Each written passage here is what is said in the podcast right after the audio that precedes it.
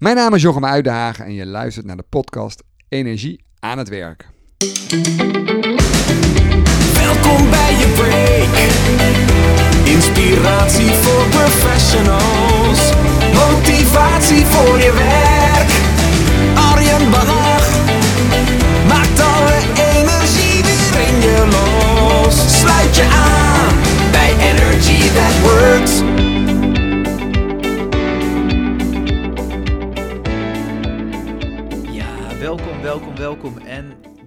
wellicht eh, heb je nou net als ik, eh, toen je de aankondiging hoorde, al wat gezonde kriebels. Dat had ik ook toen ik naar Blarikum in de auto zat op weg naar Jochem uit te. Want dat is wel leuk. Een echte BN'er, iemand die ik, eh, ja, toen ik, hoe oud was ik toen? 2002, moeten we even teruggaan in de geschiedenisboeken. Twee keer goud heb zien winnen met twee keer een wereldrecord op de Olympische Spelen. Ontzettend gaaf dat Jochem uit de Hagen te gast is in de podcast Energie aan het Werk. En wat is het leuke? Ik heb Jochem aan het werk gezien. Hij geeft ondertussen ook lezingen, net als ik dat doe, eh, bij bedrijven, bij organisaties. En hij helpt ze met vitaliteit, met in balans zijn. Hoe kun je nou in zo'n drukke wereld, kan je toch voor zorgen dat je het hoofd boven water houdt en op een fijne manier bezig gaat met je dagelijkse werkzaamheden. En daardoor is het een heel interessant interview geworden. Waar we enerzijds gaan hebben over Jochem's reis naar de gouden medailles die hij haalde in eh, Salt Lake City. Ehm, zijn, zijn reizen in, in de wereld van topsport. Maar hoe uiteindelijk die reis ook eigenlijk weer vertaald kan worden naar wat wij daarvan kunnen leren als organisaties. En eigenlijk is wat wij doen dag in dag uit als professionals, is eigenlijk ook een soort vorm van topsport. En wat kunnen wij daar nou van leren? Nou, Jochem heeft er allerlei gave metaforen voor, inzichten voor. En tot slot, en dat is ook niet onbelangrijk, houdt hij zich ook veel bezig met de term energie. Dat past natuurlijk bij de podcast. En er zijn vier eh, batterijen, zoals hij ze volgens mij noemt, energiebatterijen, eh, die belangrijk zijn waar we onze aandacht op zouden moeten richten om te zorgen dat we ook echt volledig goed in onze energie zitten. Nou, welke dat zijn, dat ga je uiteraard horen in de podcast. Bijzonder leuk, openhartig interview geworden. Ehm, dus ja, ik weet zeker dat je daar veel aan gaat hebben. Ehm, tot slot, wat ik nog leuk vind, ehm, ik ben ontzettend veel nieuwe podcasts aan het opnemen, maar het zou goed kunnen dat jij ook nog een organisatie, dan wel een visionair weet, waarvan je zegt, ja, Arjen, die moet jij een keer voor de microfoon krijgen. Laat het me dan vooral even weten. Je kan even naar de website gaan, www.energieaanhetwerk.nl, arjenbannach.nl of je mag mij een mailtje sturen via arjen.arjenbannach.nl en dan hoor ik graag jouw tips, dan wel suggesties. En dan nu de podcast met Jochem Uithagen. In het pittoreske Belaricum tegenover Jochem Uithagen. Jochem, uh, allereerst uh, welkom in de podcast. Dankjewel. En uh, mijn eerste bekende vraag is altijd, waar ben jij het meest trots op tot dusver? Waar ben ik het meest trots op? Nou, het grappige is dat mensen zouden verwachten dat ik um, het meest trots ben op mijn Olympisch gouden medaille op de 5 kilometer. Daar ben ik ook wel trots op. Maar ik denk waar ik, als je me echt vraagt, het meest blij mee ben, is toch het uh, door één keer iets te winnen wat niet iedereen lukt. Uh, een bepaalde mate van zelfvertrouwen wat je daarmee krijgt. Moet je daar dan trots op zijn? Nou, dat weet ik niet. Maar ik, ik, ik vind dat het geeft mij wel een soort rust. En daar, dat, dat vind ik heel fijn. Is dat trots? Nou, laat het dan toch op die vijf kilometer houden. maar het gevolg daarvan, uh, dat, daar ben ik vooral heel blij mee. Oké, okay, maar je hebt dus echt iets bereikt wat heel erg weinig mensen bereiken in hun leven. Een uitzonderlijke prestatie geleverd. Er zijn natuurlijk genoeg Nederlanders die Olympisch goud winnen ja. op het schaatsen. Laten we dat wel, uh, laat dat wel wezen. Al wat 5 en 10 kilometer winnen schijnt toch niet zo heel ja. makkelijk te zijn, hebben we de laatste jaren gezien. Ja, een goede coach, dan, dan lukt het nog meestal. Ja, ja, ja, ik had dezelfde coach, hè, dat oh, weet je. Oh, ja, ja, ik heb met Geert Kemkes okay. gewerkt, zeven jaar. Nou, alle tevredenheid. Ja. Uh, nee, dat zou, uh, dat zou te kort door de bocht zijn om daar Gerard Kemkers dan wel Sven Kramer op af te hebben. Nee, nee, nee ze, ha ze, hadden hem absoluut verdiend. Dus dat is, uh, dat is een ander verhaal. Ja. Dus ben ik, ja, nee, ik ben daar wel trots op. Maar ik denk dat ik ook wel trots ben op um, nou, hoe ik nu terug kan kijken in dingen die ik goed heb gedaan, die ik fout heb gedaan. Ja. Dus nou. Maar het is wel mooi dat je uit zo'n prestatie uh, gelijk al het gevoel hebt van wauw, wat, wat, mooi dat ik dit heb kunnen bereiken. En, en vooral de dosis zelfvertrouwen die je dat Ja, maar dan moet ik natuurlijk wel zeggen dat ik inmiddels uh, ruim 12 jaar gestopt ben. Ja. Dus door wat afstand te nemen, je wordt ouder en wijzer. Hè? Ja, dat, ja. Is, uh, dat is meer de gedachte. Ik zou dit natuurlijk niet direct hebben gezegd toen ik was gestopt. Absoluut niet. Nee. nee. nee dus dat gevoel van zelfvertrouwen, dat heb je ook later als je erop terugkijkt van wauw, ik heb dat ja. ooit bereikt. Dus nu kan het weer. Ja, maar het, het is, je merkt het. Um, het zijn, uh, ik ben nog steeds sportliefhebber. Uh, ik fiets graag en um, ik fiets ook wel eens met groepjes mee. Ik schaats af en toe nog, vooral voor het goede doel. En dan zijn er toch mensen die zeggen, ja, ik vond het toch heel gaaf dat ik even achter Jochem Uitdagen heb gezeten. Of dat ik, dat ik eh, je hebt, bent nog, ben gepasseerd hoor. En dat zie ik natuurlijk ook wel als ik een toertochtje rij of zo heuvel op. Dat ze denken, hey, dit is Uitdagen, ik geef even gas. Ja. En ik kan daar op zich ook wel om lachen. Ik snap het ook wel. En ik hou ook wel van competitie. Maar ik kan me soms ook zoiets hebben, ik heb er geen zin in, laat maar. Dan zit in mijn achterhoofd zoiets van, ja jongens, kom op. Ik heb een keer gedaan wat heel veel mensen niet lukt. Dus als jij graag van mij wilt winnen, ik vind het best. Dan bezorg ik jou een fijne dag. Dus, Ja, ja, precies. ehm, aan de andere kant, er zijn ook genoeg momenten dat ik denk, ja, wat de heck, ga je echt niet als eerste boven laten komen. Dat is de andere kant. Ja, maar ja. het, een soort, een soort rust van, nou, dat is een aantal keer wel gelukt. Dus dat, ehm, dat geeft je een bepaalde eh, ontspannenheid om verder ook nog te presteren. Ja, mooi. Nou, laten we dan toch nog heel even inzoomen op, op, op eh, het, het moment van geluktheid. Want de, de, de Spelen van 2002, ehm, wa- wat je trouwens ook gepresteerd hebt, is, is twee keer goud met twee keer een wereldrecord. Ja, Is dat, Ja. is dat trouwens niet uniek? Dat je, dat je Ehm, twee keer goud volgens pakt en mij twee keer met een deed Gianni Romme dat ook. Oh, Dat deed Gianni Romme ook. En... had hij ook de baan mee? Want je je zat natuurlijk op een hooglandbaan. Ja, nee, nee die, maar die reed toen de tijd in Nagano. Dat was 1998. Toen kwam net de klapschaats een beetje door. Oh ja, tuurlijk, ja. En ehm, hij haalde er alleen geen Olympisch zilver mee Kijk, op de 1500 meter. Dus dat maakt dan weer het verschil. En dan zilver is dan de kers op de taart. Ja, dan kom je Art Schenk die natuurlijk drie keer goud. Dat ik weet alleen of hij dat met wereldrecords deed. Dat, Ja. denk- dat weet ik niet. Ik denk het haast niet. Ehm, maar nee, dat klopt. Twee Ja. wereldrecords. Ja, Ja. het is gewoon leuk. En ik had op dat moment ook wel wereldrecord eh, grote vierkamp in handen. En ook kleine vierkamp, geloof ik. En Hm. eerst op de wereldranglijst. Dus ik kon aan het einde van het seizoen echt wel zeggen... ik ben de beste schaatser ter wereld. Ja, Dat heb ik geloof ik een half jaar kunnen roepen. Maar dat was niet, dat was door de zomer heen. ja. Ja, dat is wel, het is wel een cool gevoel om, Ja. om grenzen te verleggen. En ik word nog zeer regelmatig herinnerd aan eh, de 13 minuten de grens die ik Ja. verbrak. Vandaag exact, tijdens de dag van de opname, 17 jaar geleden, op Oh, wow. 22 februari 2002. Ja. Dus dat is, eh, dit was de dag van de Olympische Gouden 10 kilometer. Ja. Eh, eh, Nu nu we daar toch over hebben. Ik- Dit is een verhaal wat ik, wat ik wel eens regelmatig aanhoor. Dat is van, ehm, hoe heet die, Lannister volgens mij, die voor het eerst de 4 minute mile eh, brak. En dat het zo'n gr- zo'n grens was waarvan mensen dachten, dat is fysiek onhaalbaar. En dat Ja. dachten we natuurlijk ooit bij het schaatsen van de 14 minuten. En dat toen van de 13 minuten. Ja, maar ik denk dat schaatsport is natuurlijk wat anders. Hè? Het is... ehm,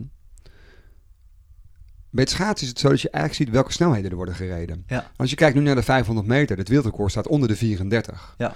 Dus pak even 34 seconden en kijk even naar, eh doe een 500 meter keer 2, is 34 seconden keer 2, is 30. Dan kom je op 108. Nou ja, dat blijkt inderdaad, de 1000 meter is al sneller dan die 108. Maar ga je dat verder doorzetten naar de andere afstanden, dan weten we dat die 10 kilometer nog veel harder kan. De kunst is niet dat we harder moeten rijden, dan moeten we het langer vol zien te houden. Oké. En ehm, ja, de magie rond mijn 10 kilometer, die haal ik soms heel hard onderuit.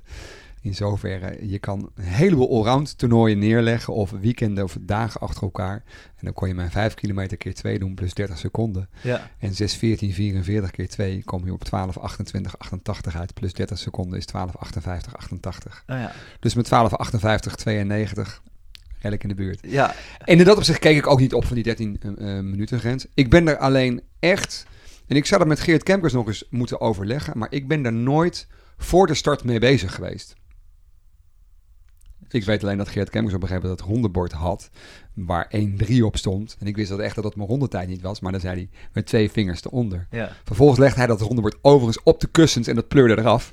Dus voor hetzelfde had je daar ook een missetje gehad. Maar ik zag dat aankomen glijden zo over het ijs. Ik denk, oh, dat glijdt achter me langs. En dat gebeurde inderdaad. Ja, ook. gelukkig. Ja. Dus, ehm, dus in dat opzicht, eh, enerzijds mensen helpen me aan herinneren. Anderzijds vind ik het minder magisch dan het eigenlijk leek als je het gewoon rationeel bekijkt. Ja, ja. Want, want- want hoe is dat dan zo? Zou je ons kort eens mee kunnen nemen op de, de weg die jij hebt af moeten leggen naar Olympisch goud? Nou, ik ben, vind ik zelf, ehm, als je zegt van ja, talentvolle schaatsen. Ik heb mij nooit een talent gevoeld. Want ik denk, ja, een talent, dat is iemand die al in zijn jeugd alles wint. Ja. Als ik nu jaren later met een beetje kennis terugkijk en ik zie ook wat ik in mijn eigen talentbegeleiding doe binnen mijn stichting. En ik realiseer dat ik bij de junioren B vijfde werd, ik werd vierde, ik werd een keer weer vierde, ik werd een keer vijfde. En als je elke keer top vijf van je leeftijdscategorie rijdt, dan kan je natuurlijk in Nederland, zeker op schaatsgebied, wel stellen dat je goed kan schaatsen. Ik heb het alleen nooit zo ervaren. Want ik heb eigenlijk mijn eerste... Ja, ik weet, als junior C won ik dan een keer een medaille. En dan werd ik derde op een drie kilometer in een allround toernooi. Achter onder andere Bob de Jong.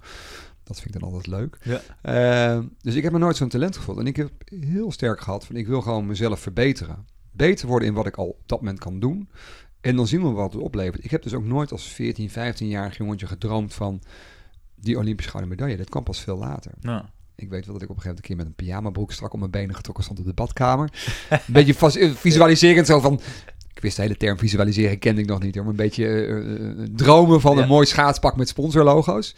Maar ja, nooit echt ehm, van dit is, dat moet het zijn. Als ik dan een Sven Kramer in zijn jeugdinterview zie staan in het ja- jasje van zijn vader. ja. eh, ik wil later wereldkampioen worden. Zo expliciet heb ik dat nooit uitgesproken. Maar vooral echt gewoon kijken naar mezelf ontwikkelen. En dat ging best goed tot en met Jong Oranje. En to- toen Jong Oranje ook hard studeren en- hard schaatsen, dat gaat niet samen. Toen ben ik drie jaar in het gewest gezeten bij Eddie Verheijen. Daar echt goed leren schaatsen. Plezier erin gehouden. Leuke groep. Veel lol gehad. Ik denk dat dat een belangrijk punt is. Ja. En eh, toen de kans kreeg om wat meer wedstrijden te rijden. Drie banen toernooien. De schaatsers die kennen al die wedstrijden van Baselga, Innsbruck en eh Colombo geloof ik. Of Insel, Colombo en, Ins, ehm, en Baselga. Of die combinaties. Ik gooi ze een beetje door elkaar. Hm. En dat is gewoon heel erg leuk. En dan ga je steeds beter worden. Dan ga je wat minder studeren. En op een gegeven moment krijg je toch de kans om door te ontwikkelen. En dan krijg je een uitnodiging voor een trainingskamp bij de kernploeg. Dat gaat goed. En het jaar erop, eigenlijk de zomer erop, bieden ze een contract aan voor drie jaar. En drie jaar later ben je Olympisch kampioen. Zit er een heel plan achter? Nee, helemaal niet. Maar elke keer wel heel bewust overwogen van ga ik, wat ga ik doen? Ga ik studeren? Ga ik schaatsen? En toen een heel bewuste keuze gemaakt om, eh, ja, om toch te gaan schaatsen. Ja. En niet, niet, nou ja, ik heb ook overwogen te gaan studeren. Onder andere Bart Veldkamp nog daar wel om advies gevraagd toen ik in die trainingsstage mee mocht eh, in Davos. En eh, nou, daar zijn Bart ook eh, heel, heel terecht van ja, als je de kans hebt om te gaan schaatsen, zou ik dat doen, want studeren kan je altijd nog. Ja. Nou, dat zijn de mooie adviezen die je dan meekrijgt. Ja. Was Bart na de hand niet zo heel blij mee, want heeft hij zijn boek ook gezegd. Ja, ja. Ik had hem eigenlijk misschien toch anders moeten adviseren. Dat was een concurrent minder geweest. Maar ik ben hem er nog steeds wel heel dankbaar voor. Ja. Mooi. En, en wat, wat- je zegt, hè, in, in de jeugd ben je dan altijd eh, dus vierde, vijfde. ja, Als, ik trek even de, de, de, de, de vergelijking met Sven Kramer voor mij, die altijd wel al, al heel goed was. die gast werd als junior, reed hij zich bij de NK erbij. Ja, precies. Dus- Maar wa- wat heb jij dan anders gedaan? Dat je uiteindelijk toch dat Olympisch goud hebt. Want je hebt wellicht een iets andere route bewandeld. Ja, maar dat is wel. ehm, ik denk dat dat in de sport wel vaker voorkomt dat de toppers bij de senioren niet de toppers uit de juniorentijd zijn. Hm. En de vraag is natuurlijk of junioren doorhebben waarom ze zo goed zijn. Soms heb je gewoon echt het leeftijdsverschil eh, of leeftijdsvoordeel dat iemand gewoon eerder volgroeid is. En daardoor gewoon langer is, meer power heeft en daardoor harder rijdt. Nou, naarmate je men meer uitgegroeid rijdt, komt het natuurlijk dichter bij elkaar.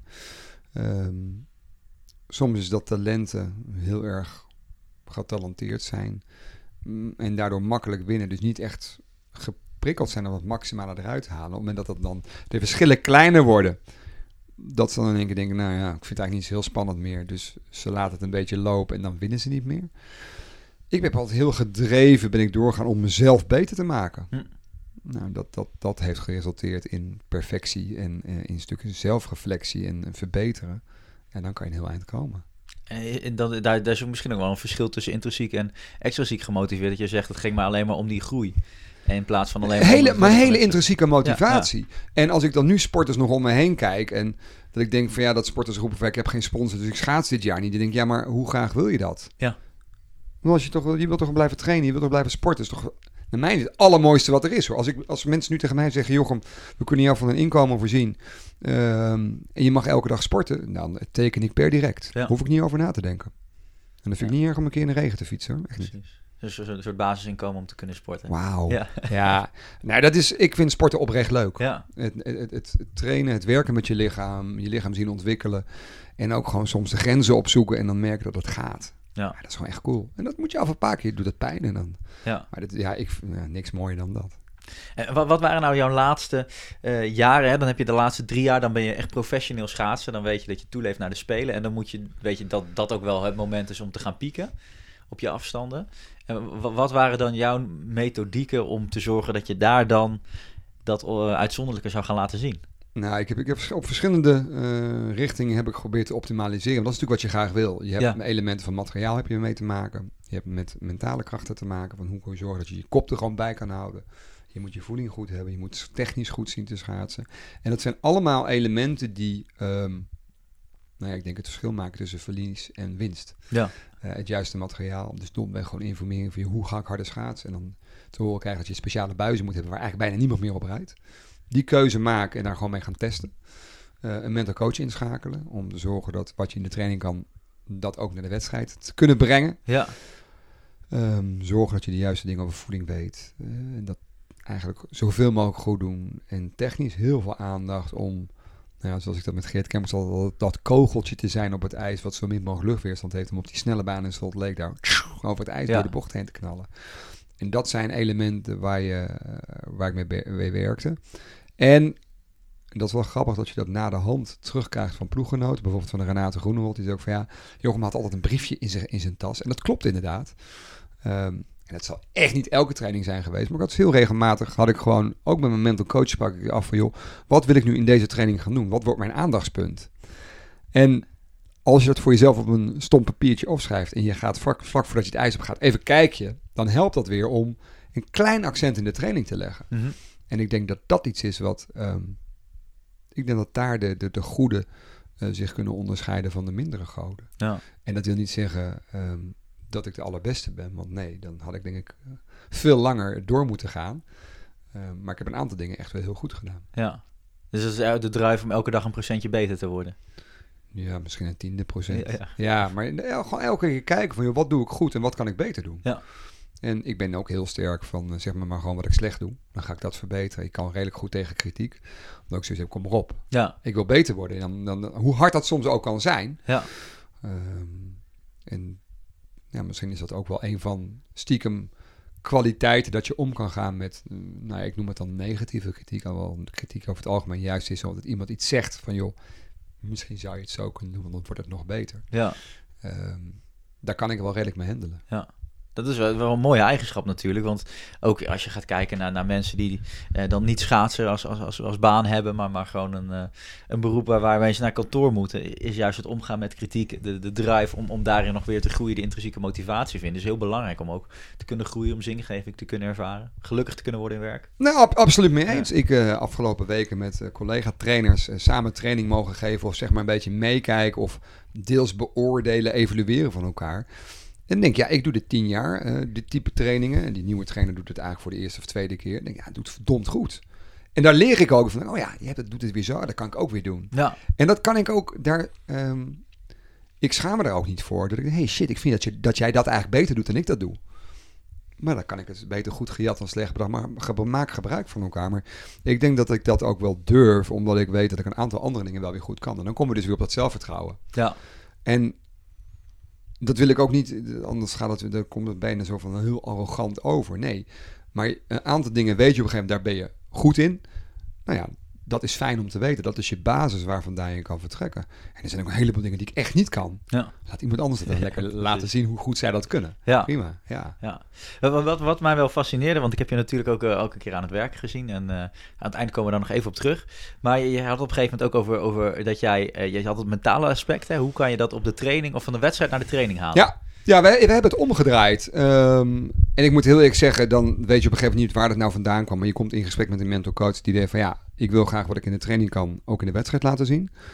En dat hij zegt, maar waarom zullen we dat gevoel wat je in de wedstrijd ervaart, dat is vaak druk, de mogelijkheid om te winnen, en misschien ook wel mooie prijzen, prijzengeld, selecties, andere wedstrijden. Dat gevoel wat dat met zich meebrengt van ik moet het nu laten zien. Hoe kunnen we dat gevoel wat je hebt en het gevoel van die wedstrijd, met al die elementen erbij, juist naar de training halen, zodat je dat elke training kan gaan proberen. Hm. En nou ja, een van de dingen die ik daarvoor deed, was dat ik, ja, ik dit is dit heel veel minder. Ik had zoiets van hoe kan ik dat wedstrijdgevoel creëren? En, Ja. ehm, door een wedstrijdcapje op te zetten naar een bril overheen. Als je zo'n wedstrijdcapje over jouw hoofd heen hebt, Ja. je moet maar nagaan. Als je een hele strakke muts om je hoofd heen trekt, dan voelt het ook gek. Of als je een helm opzet, Ja. dan heb je, er zit iets op mijn hoofd. Maar dat gevoel, letterlijk, maar ook dat beeld wat je krijgt van iets wat boven je ogen heen zit met een bril, een ander kleurtje. Dat gevoel, daarmee kon ik visualiseren dat ik een wedstrijd reed. Ja. En als ik dat dan vervolgens ook deed op de ijsbaan, dan was dat voor mij eigenlijk gewoon het simuleren van mijn race. Nou, als je dat op het juiste moment in de week kan doen, dan geeft dat een goed vertrouwen. En heb je weer dat woord vertrouwen. Ja. Dan geeft je een goed gevoel, waardoor je dat eigenlijk... Ja, ik kon het op een harde schijf in mijn brein opslaan. Dat kon ik zelfs oproepen als ik in mijn bed lag. Dan hoef ik mijn ogen maar dicht te doen en dan zag ik mezelf zo rijden. En voor de luisteraar, ik zit dus nu ook zelf met mijn ogen dicht en met mijn handen en mijn microfoon heen en weer te bewegen, omdat je er eigenlijk dat ritme hebt. Ja. Ehm, En dat nam ik mee naar de wedstrijd. Ja. En dus je wil ergens een stuk houvast hebben van hoe je dat kan doen. En als je dan ook weet dat dat het niveau is wat je graag wil laten zien. En dat vertrouwen dan ook daar op dat moment heb, ja, dan kan je ook gewoon je race rijden. En dan blijkt dat inderdaad goed te zijn. Ja. Wauw. Klinkt heel makkelijk. Het is in de praktijk misschien wat complexer. Maar ik, ik denk dat het heel sterk te maken heeft met... Hoe vaak mogen we het woord vertrouwen zeggen? Nee, maar da- daar heeft het dus wel mee te maken dat je er klaar voor bent om wat je hebt geoefend, wat je hebt getraind, om dat te laten zien op het moment dat het erom draait. Ja. Ja, en onderaan de streep heb jij dus gewoon eh, misschien wel veel meer wedstrijden gereden dan jouw concurrent. Nou, Voor jouw we- idee. Nou, ik denk niet dat het veel meer wedstrijden zijn. Want ik weet donders goed, als je mij had ehm, gemeten op mijn fysieke capaciteiten, dan was ik absoluut niet de beste geweest. Oké. Als je me had gemeten op mijn mentale capaciteiten, was ik denk ik niet de allerbeste geweest. Als je kijkt naar mijn voedingspatroon, was ik absoluut niet de beste geweest. Als je kijkt naar mijn materiaal, die buizen, was ik een van de weinigen waar ik op reed. Dus dat was een buizer met lagere glijweerstand. Dus daar had ik een voordeeltje van. Ehm, maar als je al die elementen bekijkt, was ik overal heel goed. Ja. En als je dan ook kan laten zien, ja, dan is het, eh, als je overal 9,3 scoort, Ja. ja, dan, dan, dan, dan, dan, dan word je Olympisch kampioen. Precies. En dan moet je ook nog mazzel hebben dat andere mensen er niet uithalen wat erin zit. Want op papier was bijvoorbeeld een Bob de Jong eigenlijk veel beter. Dat had hij in het voorseizoen ook laten zien. Hm. Een Karel Verheijen was een gedoodverfde kampioen. Het lukte op dat moment niet. Nee. En ehm, ja, dat, dat, nou ja, dus het is een combinatie van factoren van dat je weet dat je kan laten zien wat je, wat je doet. En dat heeft gewoon met vertrouwen te maken en met voorbereiding. Ja. En ik denk dat het voorbereiding volgens mij daarmee ook voorbereiding ontstaat. En over voorbereiding creëert goed vertrouwen in wat je gaat doen. Ja. En dat is op de dag van vandaag. Ja. Ja, mooi. En dan op een gegeven moment, hè, je hebt, je de medailles en, en dan gaat het daarna, ja, gaat het toch een beetje minder. Ja, En- absoluut. Ja, als je soms mensen vraagt wat was mijn laatste grote prijs, dan zeggen ze ja 2002. Dan denk ik, nou ja, goed, ik ben gelukkig nog een keer wereldkampioen Ja, ja, ja. in 2003 geworden. Een Europees kampioen allround in 2005. Ehm, maar daarna ging het aan het wel minder. Want ik ben, en dan komt dus een, eigenlijk een eigenschap die tot een bepaalde mate heel goed is, gaat op een gegeven moment tegen zich keren. Of tegen mijzelf keren. Is dat ik, als ik iets wil, dan ga ik er ook volledig voor. En dan is het bijna oogkleppen op. En dan kan dat misschien goed zijn voor de rol die je als schaatser vervult. Ja, dan ga ik heel hard van schaatsen. Ik moet rust nemen en lekker mijn benen op de bank en dat soort dingen. Maar er zijn ook nog wat andere dingen. En volgens mij zit daar, eh, de term kwam volgens mij eerder al voorbij, of in het voorbesprek wat we hebben gehad over werkgeluk. Hm. Hard schaatsen is leuk als andere dingen eromheen ook leuk zijn. Ja. Je moet, je moet gewoon goed naar je zin hebben. En als je alle sporters gaat uitvragen in interviews waar het verschil wordt gemaakt, ehm, waarom ze konden presteren op bepaalde momenten, dat is dat ze plezier hebben, dat ze lol hebben. En noem het werkgeluk, eh, noem het werkplezier. En dat gold voor mij toen ik goed ging, zeker ook. Maar de Ja. laatste jaren gewoon niet. Ik had een hekel aan het reizen gekregen. Maar ja, je moet het wel doen. Want zonder Ja. reizen kom je niet op de plek waar je heen wil. Dat vond ik echt gewoon, vond ik gewoon niet fijn. Dus het, het vertrekken was mij eh, spullen inpakken.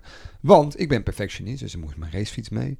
Ik wilde wel graag naar de ijsbaan, want ik wilde niet in de file staan met mijn auto. Als je vlak voor een wedstrijd ergens komt, ja, waarom ga je met de auto dan, zou je denken. Nou ja. Ehm, dus dan nam ik een mountainbike mee. En dan moest ik mijn goede spullen bij hebben. En dan denk ik van, ja, pff, Ja. Dat deed ik dus ook op training. Dus ik had altijd reservespullen. Mijn motor lag helemaal vol. Ja. Allemaal extra reservekleren mee. Tassen vol. Zeg ik, 70% van je spullen gebruikte niet eens. Maar dat verrat wel energie om dat elke keer in te pakken, uit te pakken. En dat, dat ging mij op een gegeven moment ook tegenstaan. Dat is een heel klein elementje. ja. En ehm, ja, nou ja. En, en dat perfectionisme, als je er nou op terugkijkt, hè, je zegt later breek het je op, in het begin heeft je misschien wel heel erg geholpen. Ben je er wel blij mee dat je dat dan bezit? Ja, ik ben er heel blij mee, omdat dat is denk ik een van de eigenschap perfectionisme of noem het iets wat je doet 100% goed willen doen. Alleen je moet wel weten wanneer iets echt super belangrijk is. En je moet, je moet dus ehm, het soms ook misschien wel genoeg kunnen nemen met iets minder. Ja. Alleen dat is heel lastig. En dat, dat, daar is ook geen boekwerk voor te maken. Je moet het zus of je moet het zo. Het is soms op buikgevoel. En ehm, het is ook niet vol te houden om alles op 100% te doen. En ja, dus moet je af en toe misschien met iets minder genoegen nemen. Ja, mooi. En vervolgens, eh, op een gegeven moment is de koek op. En zeggen, ja, dat merkte je ook tijdens een race toch, dat het, dat het klaar was. En nu, nu is Nou, ik, ik merkte het eigenlijk al. ehm, ik had heel graag, en dat zit er misschien dan ook wel deep down van binnen. Ik had heel graag me nog gekwalificeerd voor de Spelen van Turijn. Ja, Vier jaar na dato proberen je Olympische titels te verdedigen. ja. Als regerend Olympisch kampioen is dat natuurlijk leuk. Dat is niet gelukt. Toen had ik nog een strohalmpje. Ik denk, nou, dan ga ik met de ploegachtervolging erheen. Eh, dan probeer ik dat voor elkaar te krijgen. Als we dan misschien een bronzen medaille halen, joh, dat vind ik mooi. Daar kap ik er gewoon mee. ja. Ik, ik begon al een beetje richting einde carrière te zitten. Ik geloof het al een beetje.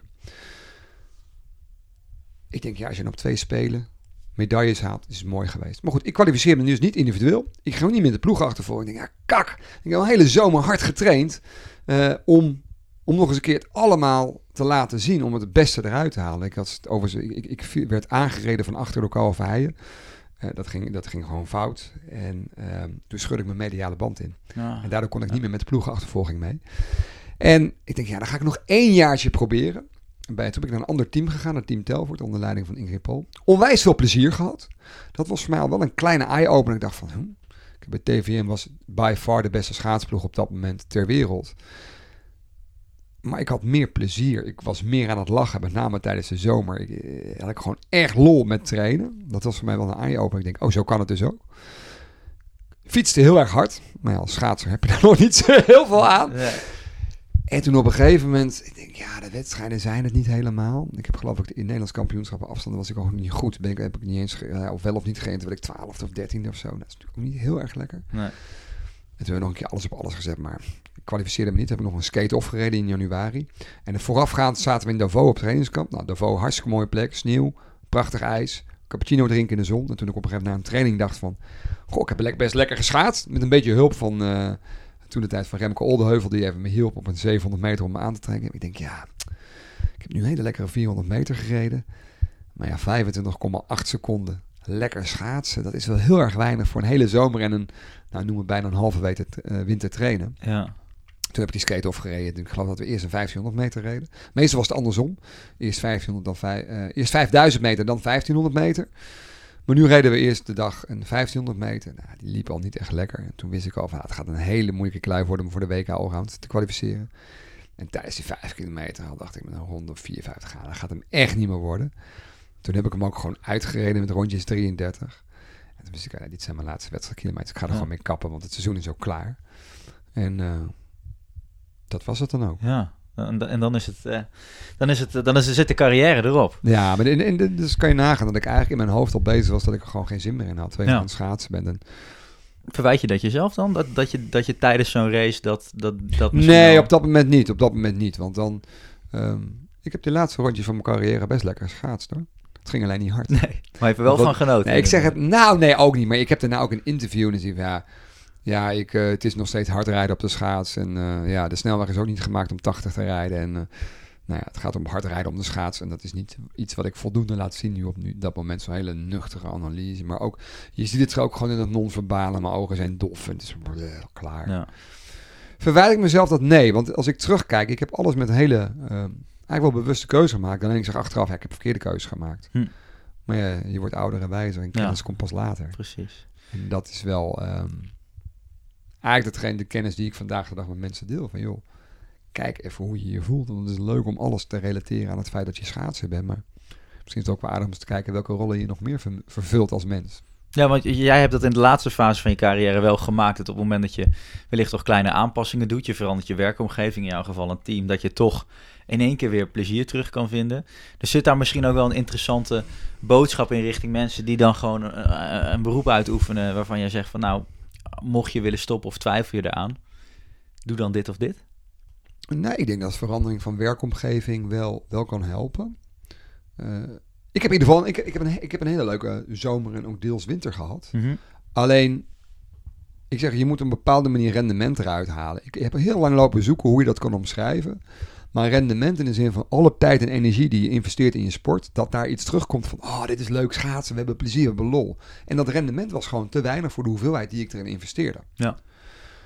Dus het stond niet met elkaar in verhouding. Je doet alles voor je sport en je hebt niet eens echt lekker schaatsen of lekker plezier. En dat matcht niet met elkaar. En dus ik denk dat die verhouding investeringen wat je eruit krijgt, die moet, die moet in balans zijn. Dat was bij mij totaal out of balance. Gewoon leuke dingen laten zitten, omdat je denkt dat het je schaatsport schaadt. Ja, ik denk niet dat dat handig is. Nee. En dat is ook zoals ik nu al naar werkgeluk kijk. Van joh, het is leuk hoor dat je voor je werk leeft. Maar volgens mij werken wij om te kunnen leven. En leven wij niet om te kunnen werken. Misschien dat er zijn altijd uitzonderingen. Ja. Maar waarschijnlijk horen we die ook niet klagen. Precies. En Ja. sommige mensen hebben de meest fantastische job. Ik heb hem gehad. Sporten voor en nog betaald worden ook. Ja. Ehm, dus als je zo nuchter terug en denkt, ja, waarom ben ik niet doorgegaan? Ehm, dus ja, ik, dat, dat, dat, dat, investeren en wat je ervoor terugkrijgt, dat moet volgens mij, dat moet volgens mij kloppen. Mooi. En dat zou dus een vraag zijn die veel meer mensen zichzelf wellicht af kunnen Ja, stellen. vind ik het leuk wat ik doe. En ik heb afgelopen weken eh, best veel trainingsdagen gegeven. Ik denk, nou, ik vind die trainingsdagen aan zich leuk, maar het van 's morgens vroeg tot 's avonds laat de deur uit zijn, helemaal voor de mensen klaar zijn. Want ik vind dat ik dat moet doen als trainer, als spreker. Maar ik zou als ik, ik moet er niet aan denken om dat vijf dagen in de week van 's morgens vroeg tot 's avonds laten doen. Want wanneer kan ik dan leven? Ja. Want ik doe natuurlijk ook alles op 100% nog Ja. steeds. Hè? Ja, precies. Dus dat is ook beperkt. En ik ga niet half mijn dingetje afbollen. Ik, ik, moet, ja, ik had laatst een training die ook... Die liep niet. En waarom? Dat maakt eigenlijk... Ja, nou, het maakt op zich wel uit. En van, je merkt ook dat qua timing klopt het niet. En dan zie je ook dat mensen daar anders op reageren. Als je andere beoordelingen krijgt. En Ja. daar baal ik dan wel van. Inmiddels kan ik dat ook wel naast me neerleggen. Omdat ik denk, ja, kom op. Je kan niet alle wedstrijden winnen. Nee, nee, En dat is dan weer de andere kant. precies. Maar wat dan wel belangrijk is, dat je op het moment dat je, dat je twijfelt... of, of hè, dat je, je merkt ergens dat je misschien toch meer investeert... dat je terugkrijgt, dat je gaat reflecteren. En dat heb jij ook gedaan eh, nadat je klaar was, Ja, en, en, en te laat, want eh, achteraf, ehm, mijn scho- schoonvader riep op een gegeven moment, ah Jochem, je moet gewoon even een jaartje stoppen, want je lichaam is moe. Ik zei, ja, maar dat kan toch helemaal niet? Nou, ik denk dat het misschien toch wel kan. Ja. Eh, een jaartje ertussen uitgaan moet dus kunnen, want vanuit, als je er gewoon vanuit gaat dat je toch wel blijft schaatsen, dat je sportief bezig bent, maar even de boel de boel te laten, dan kan er ook wellicht een bepaalde gretigheid weer terugkomen. Ehm, en die reflectie is pas eigenlijk bij mij veel later gekomen. Want toen ben ik gestopt, was ik echt klaar met schaatsen. Ik heb ook, ik geloof, bijna drie jaar niet op het ijs gestaan. Maar ik deed alles waarvan ik dacht dat ik het leuk vond na mijn schaatscarrière. Van trainingen geven, eh, dus op het ijs, tot eh, wat consultancywerk. Ik heb wat lezingen gegeven. Ik heb mijn stichting verder uitgebouwd. Ik ben gaan studeren. Ik probeerde er ook nog bij te sporten. Maar daar werd ik ook niet echt happy van, al die verschillende dingen. En pas veel later ben ik gaan inzien van ja, wat voor een type mens ik ben. Ja, ik doe het 100% of niet. Ja. En al die verschillende rollen die je vervult, ja, moet je tijd en aandacht aan geven. En het meest toepasselijk is eigenlijk misschien wel dat toen ik stopte met schaatsen, dat mijn vriendin ook dacht van nou, dan zullen we wat meer tijd voor elkaar hebben en zo. Maar ik was eigenlijk drukker dan ooit tevoren. Nou, Want je plant alles vol. ja. Want dat kan namelijk, ik hoef namelijk niet meer te trainen, is niet meer relevant. Ja. Ja, dat is wel, eh, dat heeft wel even geduurd. Ja. Ja. Dat is ook een mooie les in inderdaad. Dat je, dat je niet alle gaten vol moet schieten, maar juist ook voor rust moet kiezen daarin. Ja, en dat doe ik nu ook bewust. En ik, ik, la- ik zeg het met, met, een, eh, met een grote lach. Ik zeg soms mensen, ja, kan je donderdagochtend? Dan zeg ik, ja, sorry, ik heb al een afspraak staan. En dan staat er gewoon fietsen met Daan in mijn agenda. Ja. Maar dat is wel mijn... mom- Als ik namelijk niet op donderdagochtend inplan, dan ben ik donderdagmiddag vrij. Donderdagavond ik bestuursvergadering. Vrijdag... wanneer- dan kom ik niet aan mijn sport toe. Wat ik vind, zeker als het gaat over fietsen, ik moet practice what you preach. Ja. En dan hou ik het, dan houdt het voor mij leuk. Want dat zijn voor mij de momenten van energie, van ook plezier. Ja. En daarmee kan ik soms dingen compenseren die ik iets minder leuk vind. Oh, Ja, goed, dat hebben, die hebben we allemaal. Je doet soms dingen die je niet leuk vindt. Dat hoort bij het leven, denk ik. En Ja. dan eh, moet je even doorpakken. Maar dat mag niet meer dan 20% zijn, denk ik. Ja.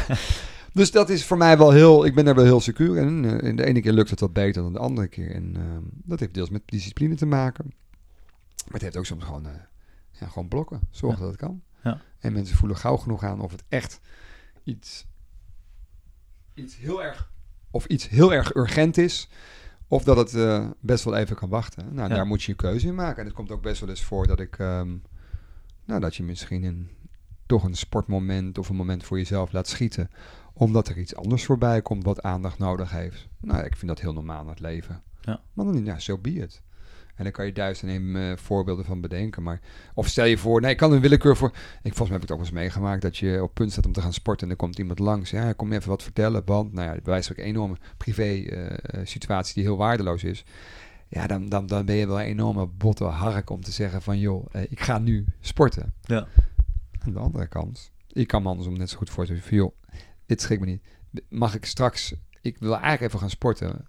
Maar kan het Dus het is net hoe je ermee omgaat. En daar zijn wij, eh, Dat vinden wij mensen heel moeilijk. Ja, ja. En heel veel mensen cijferen zich vaak weg voor anderen. Wat heel sierlijk is, maar ik denk langer termijn niet wenselijk voor Ja. jezelf.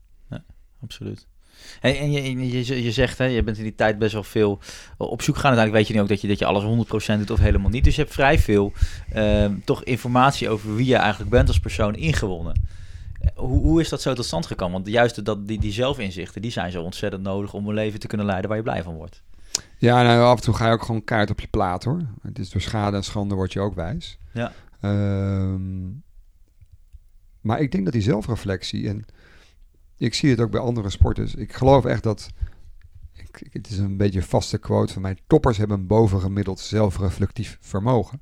Mooi. En wat dan toppers zijn, dat mag, je, dat mag je zelf bepalen. Dat kan in de sport zijn, kan in het bedrijfsleven zijn, kan, een jong talent zijn, bedenk het maar De toppers. de toppers. En ehm, dat je de goede en ook de slechte eigenschappen van jezelf gewoon keihard weet aan te kijken. Van joh, doe ik dat goed? Doe ik dat fout?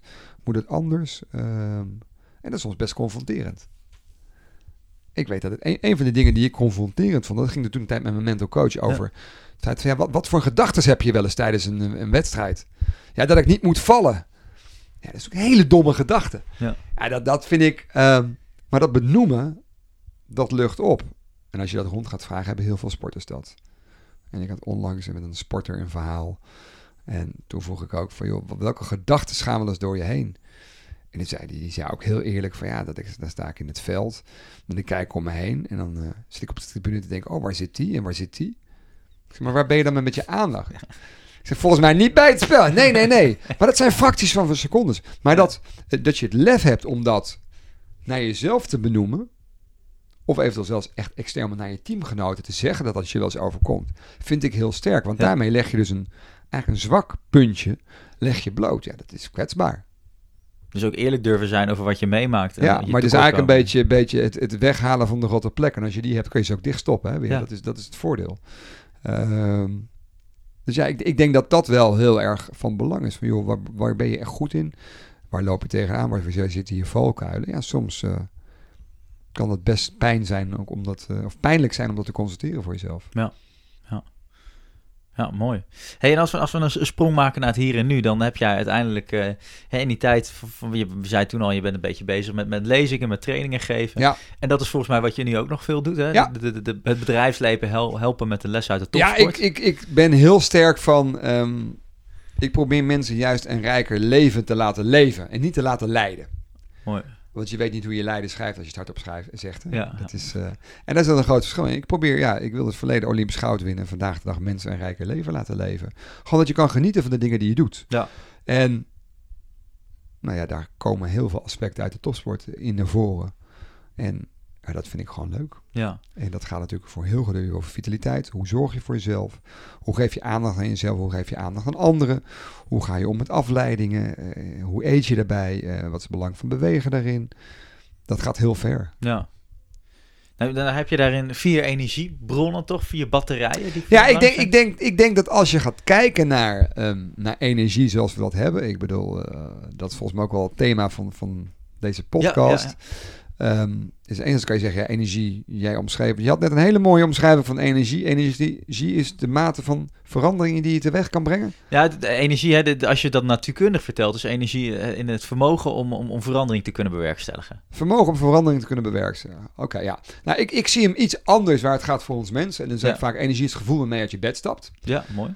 Ehm, alleen dat gevoel waarmee je, waarmee je uit je bed stapt, dat wordt beïnvloed door een heleboel aspecten. Hm. En dat wordt be- beïnvloed van hoe je fysiek hebt geslapen, Ja. wat de dag gaat brengen. Ehm, maar ook met wie je de dag door gaat brengen, vooruit met wie je hebt geslapen, al dat soort grap.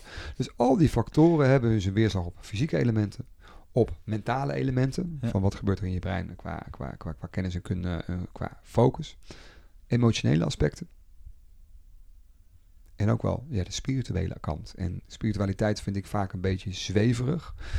Aan de andere kant, als je het zegt over zingevingsenergie of de zingevingsbatterij, dan is het meer van, joh, wa- ja, wat doe je, wa- waarom je het doet? Ja. Why do you do what you do? Waarom sta je op om een podcast te gaan maken? Ja, of waarom precies. sta je voor de groep om talenten te inspireren? En nou, wellicht omdat ik er energie van krijg, omdat je anderen wil helpen. En die vier bronnen van energie, fysiek, mentaal, emotioneel en spiritueel. Ik denk dat je alle zaken die je in je leven doet, daaronder kan hangen. En dan weet je ook, en het is vergelijkbaar met het opladen van je telefoon of van je auto, zo je wilt. ehm er gaat een bepaalde hoeveelheid energie in. Maar er gaat ook een bepaalde hoeveelheid energie uit. Ja. En van de telefoon weten we het gewoon heel zeker. Als je hem niet op tijdig oplaadt, dan is het op een gegeven moment bloep, is die uit. En dan kan je heel weinig. En daar zit hem de lessen vanuit de topsport in. Van, joh, hoe kan je ervoor zorgen dat je tussen je inspanningen voldoende weet op te laden. Mhm. Dus energie uitgeven, energie terugwinnen. En dan ben ik echt wel van mening. En daar kwam ik dus zelf ook achter van ja, hard trainen is leuk. Maar ik denk dat het probleem niet in zat dat ik te hard trainde. Maar ik dacht, ik denk dat ik onvoldoende herstelde van de inspanningen die ik deed. Ja. En ik denk dat dat voor de werkende mens ook is. Er wordt echt niet te hard gewerkt in Nederland. Kom nou joh. Alleen we verzuimen onvoldoende te herstellen van de inspanningen die we leveren. Nou, En daar gaat het fout. Dat heeft dan weer te maken met hoe je eet, hoe je ontspant, hoe je leuke dingen doet met vrienden, eh, hoe je slaapt, ehm, hoe je daadwerkelijk echt je fysiologische ontspanning krijgt. En daar weten mensen toch nog lang niet altijd alles van. En Ja. ze weten dat slaap van belang is, maar het is eerst wat ze eruit kicken. Want ja, slapen is zonde van je tijd. Hè? Dan kan je ook andere dingen doen. doen. Ja, Alleen de volgende word je toch een beetje krokje wakker. ja, Dan kijk je toch wat anders naar de wereld. ja. En nou, dat, dat, dat zijn dingen dat ik denk, ja, als je mensen daarmee kan helpen en ze daarmee kan sturen, en dan gaat het natuurlijk ook over gezondheid, want we weten dat we moeten herstellen. We weten wat onze cellen doen, wat ons brein doet als we slapen. En dat verklaart ook wel voor een groot deel waarom er bepaalde ziektebeelden optreden in Nederland, Ja. waarom bepaalde burn-outs eh, zo ontzettend veel voorkomen, waarom er overgewicht is, al dat soort zaken. En die zijn allemaal wel, ehm, die zijn voor een heel groot deel wel te verklaren. Lang Ja. niet alles. Soms hebben mensen ook Zeker als het gaat over ziektes, hebben ze gewoon botte pech. Ehm, maar de kunst zit hem erin om zoveel mogelijk, noem het met jij, risicoreductie te doen. Ja. Door goed voor jezelf te zorgen. Precies, precies. En dan, zonder dat te veel op in te gaan, hè, want dan moeten mensen gewoon jou eh, als spreker boeken. Als, eh, Vind ik prima. Ja. Ja, want eh, jij kan er lang over vertellen. Maar misschien wel leuk om ze even heel kort even aan te stippen. Want ik denk dat mensen ook al zitten, ja, maar slapen, hoe, hoe slaap ik beter? Wat is één, één tip van jou? Nou, ik zeg al, als je de korte variant wil hebben, ga dan maar gewoon eerder naar je nest. Ja, Ja, en zo, nou, zorg dat je ook, ehm, wat veel mensen niet realiseren waar het om slaap gaat. Mensen, ja, mensen gaan, als ze naar bed gaan, gaan ze denken, ik moet goed gaan slapen. Ja. Maar eigenlijk moet je er bij je ontbijt al mee beginnen, hoe gaat mijn dag eruit zien? Want het door de dag heen gewoon af en toe even een pauze nemen, om even tot rust te komen. Dat kan twee, drie minuten zijn.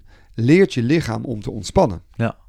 En waar gaat het bij de meeste mensen fout? Die liggen s'avonds in bed en ik moet die nog doen, moet dat nog doen, zus doen. Dus dat hoofd, dat, dat, dat gaat helemaal, dat slaat helemaal op hol ja, omdat ze door de dag heen ook niet even op hun rem trappen.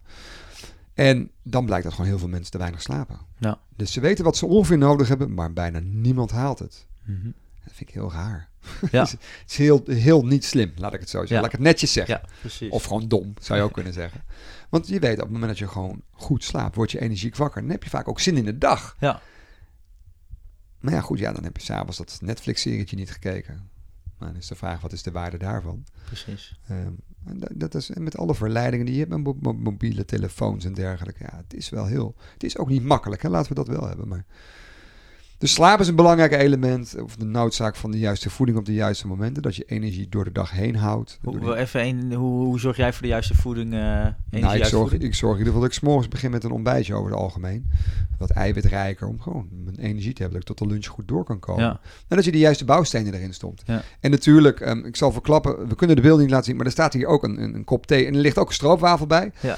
Er ligt een halve stroopwafel bij, maar volgens mij is het puur omdat jij nog niet aan toe bent gekomen om op te eten. hij gaat op hoor. Ja, en het is natuurlijk niet, ehm, het, is geen topsportvoedsel. Nee. Ik kan zeggen, als je op de wielrenfiets zit, is het wel functioneel. Maar goed, ik zit nu lekker thuis een vrijdagmiddag en dan vind ik het lekker om een kopje thee met een, eh, met een stroopwafel te eten. Maar dat doe ik niet op trainingsdagen. Nee. En dus het is ook heel vaak van wat eet je op welk moment. En hetzelfde geldt eigenlijk voor het algemeen. Wat doe je op welk moment? En zo zijn er een heleboel elementen ook van, joh, eh, wanneer ga je wel met vrienden op stap en wanneer niet. En ik heb één zinsnede waar ik steeds meer achter kom. Ik pas hem voor mezelf toe, maar ik merk dat andere mensen er ook wel op aanslaan. Is eigenlijk de vraag van, als je ergens mee zit, van wat maakt dat ik geen zin heb om gezond te eten, dat ik geen zin heb om te sporten, dat ik ehm, juist wel zin heb om naar mijn werk te gaan of geen zin. Wat maakt dat? En dan ga je eigenlijk bij jezelf na van, joh, waar komt dat, waar komt dat door? En dan ga je een stuk zelfreflectie doen. En vaak is het de vraag beantwoorden al de oplossing. Ja. Wat maakt ik geen zin om te sporten? Ik ben gewoon heel erg moe. Of ah, ik heb een hele week ben ik eigenlijk al druk geweest. Ik ben nog niet eens met mijn hond naar buiten geweest afgelopen week. Ik heb nog geen half uur met hem gehandeld.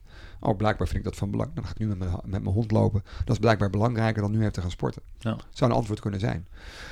Dat, dat, dat, dat is volgens mij hoe je aan je energiemanagement kan werken. Ja, En dat draagt dan uiteindelijk bij aan jouw herstel. Fysiek, mentaal, emotioneel en nou ja, ook wel spiritueel. ja. Ja, want spiritueel, eh, als we zo nog even kort terughalen naar spiritueel, dat stukje zingeving, hè, dat we Ja. mensen ergens aan bij willen dragen graag. Ja, voor zichzelf of voor anderen. Ja, Ehm, kijk, mensen die een hond nemen, eh, dat is wel makkelijk. Ehm, waarom neem je een hond? Vind je blijkbaar leuk? Geeft je energie, geeft je plezier? Nou, dan, dan zou je daar misschien ook af en toe aandacht aan willen geven. ja, En als je dat gevoel hebt dat je dat onvoldoende kan doen, dan kan je daar last van krijgen. ja. Nee, dus, Oplossing, dus, dus, dus daar wat, wat aan doen. Ja. Ehm, als je alleen maar van hond naar her aan het berennen bent en je komt erachter dat je daardoor jezelf tekort doet, of misschien je kinderen of je partner of wie dan ook, hè? Nou, dan mag je ook wel eens nagaan, waar, waarom is dat ik dat zo voel? eh, ja, En daar word je op den duur denk ik ongelukkig van. Nou, dat hebben we het niet over geluk, dan hebben we het niet over energie. nee. En dus, dus dat is wel waar, waar volgens mij je wel voldoende bij stil moet staan. Ja, ja, absoluut. Dus dat is het stukje zingeving wat we nodig Ja. hebben als mensen. Waar we dus ook echt veel energie uit Ja. uithalen als je dat mag doen. En dan het stukje emotioneel, hoe, hoe zou je die... eh, Nou, emotioneel heeft te maken met gedraging, met emoties. Hoe reageren anderen op jou? Hoe reageer jij op mensen? Hoe reageer je op situaties? Ehm, wat is het als een collega je een bepaalde vraag stelt? Wat gebeurt er als er letterlijk iets emotioneels in jouw omgeving is? Dat je kind ziek is of waar je twijfels over hebt. En dat gaat allemaal in ons brein lopen. Lopen draaien en keren. En dat heeft, dat heeft allemaal effect gewoon over hoe we ons voelen. Zeker als het gaat over verwachtingen, over dingen die je nog moet doen. Dat kan spanning opleveren, kan stress opleveren. Nou, we weten dat ons brein daar niet, ja, die kan daar wel wat mee, maar Ja. die, gaat, die gaat het omzetten in, in stresshormonen. En met name de long-term druk van de verwachtingen die je hebt, ja, die zetten eigenlijk je systeem onder spanning. Hm. En daar kan je slechter van gaan slapen. Je kan er zelfs uitslag van krijgen. Je kan er last van je nek van krijgen. Je kan er last van je maag van krijgen. En dat zijn gewoon signalen die leiden dat je, of die laten zien dat je onder druk staat. Ja. Die op termijn tot burn-out kunnen leiden. En emotie heeft ook te maken van, eh, heb ik zin om dingen te doen? Ja. Hoe kijk ik ergens naar? Eh, kom ik tot rust? Eh, kan ik ook echt daadwerkelijk de aandacht geven die ik graag wil geven? Of ben ik ondertussen weer afgeleid door mijn telefoon? ja. Vind ik het zo belangrijk om bij de kinderen langs het sportveld te staan om daar te kijken? Eh, of vind ik het toch ook ondertussen belangrijk om mijn Facebookpagina even door te scrollen? Wat Ja. ben je dan aan het doen? Oh, en hoe zorg jij dat je meer controle krijgt over emoties? Want dat lijkt me best moeilijk.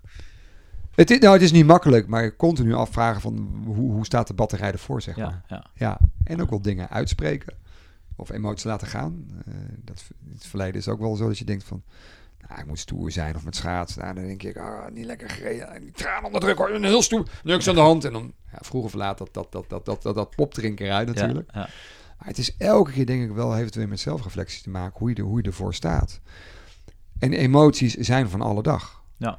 En ik vind het wel, ik geef eens de voorbeelden van... ehm, nou, we hebben een aantal, toen de tijd dat ongeluk met die stint op dat spoor. Oh ja. Ik zat, gaf die dag training. En dat zijpelde dan zo even naar binnen. Want iedereen zit ook op zijn telefoon te kijken. En in de pauze kijk ik ook even. Dus ik even te lezen wat nieuws is.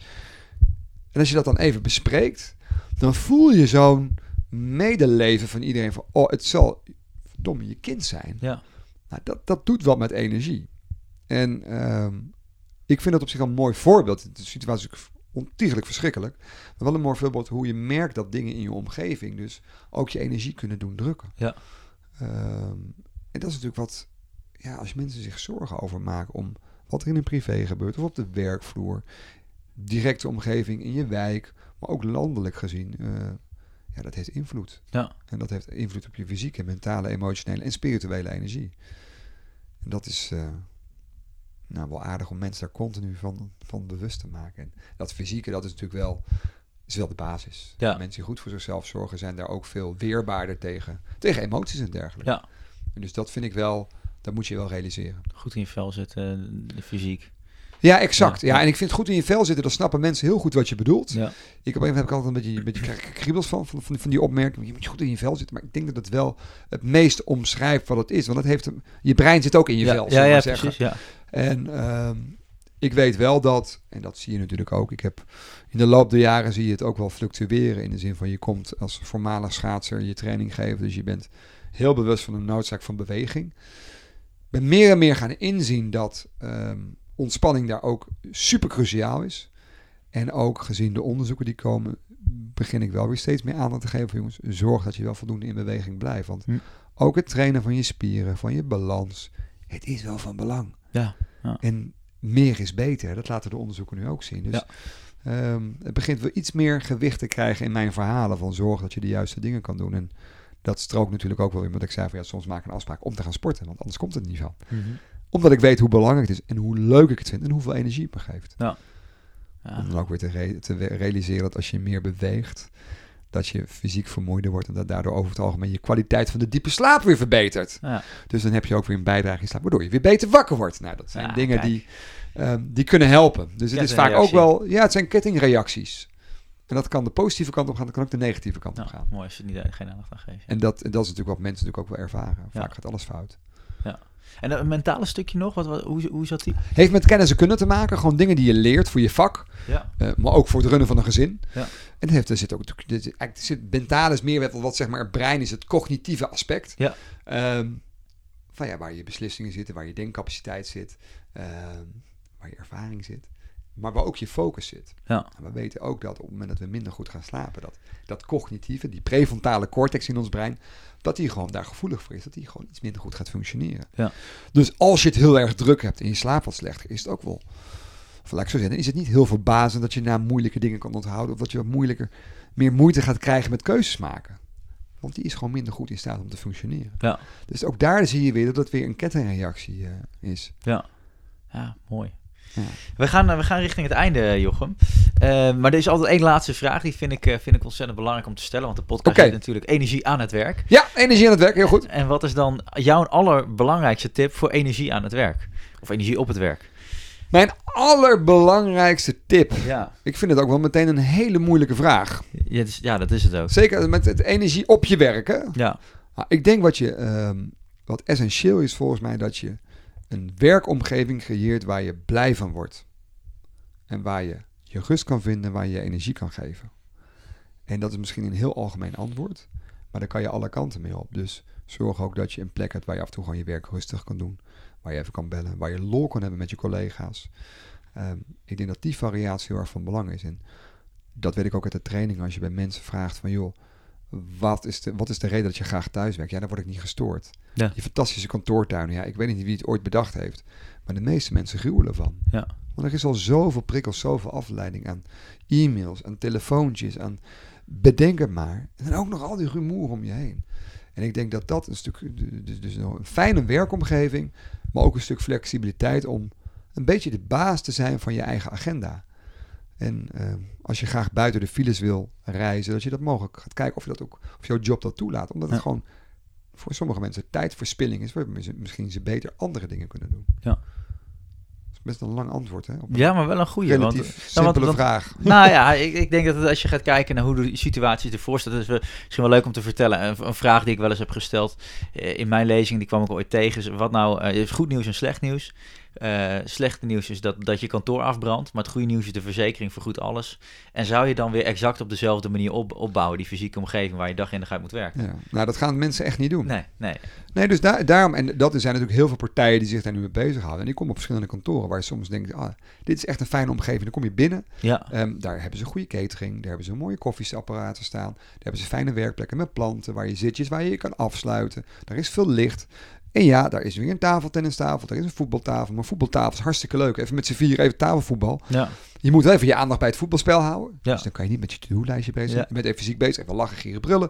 Je staat even, nou, prachtig. En dan tien minuten ga je weer aan het werk.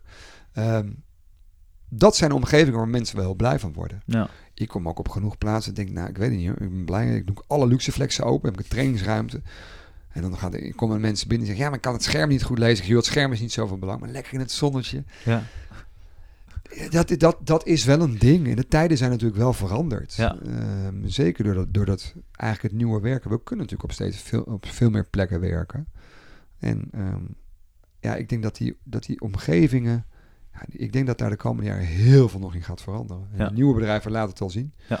Het moet eigenlijk een thuissituatie zijn waar je bent. Dat mensen zeggen, ik vind het fijn. Ja. En Dat, eh, want dan ben je op je best. Precies. Hoe kan ik de thuissituatie meer naar het werk halen?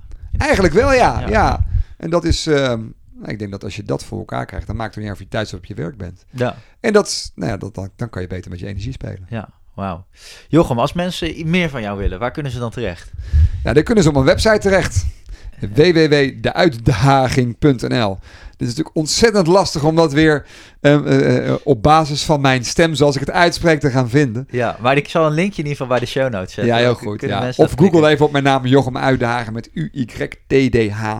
Dan kom je er ook.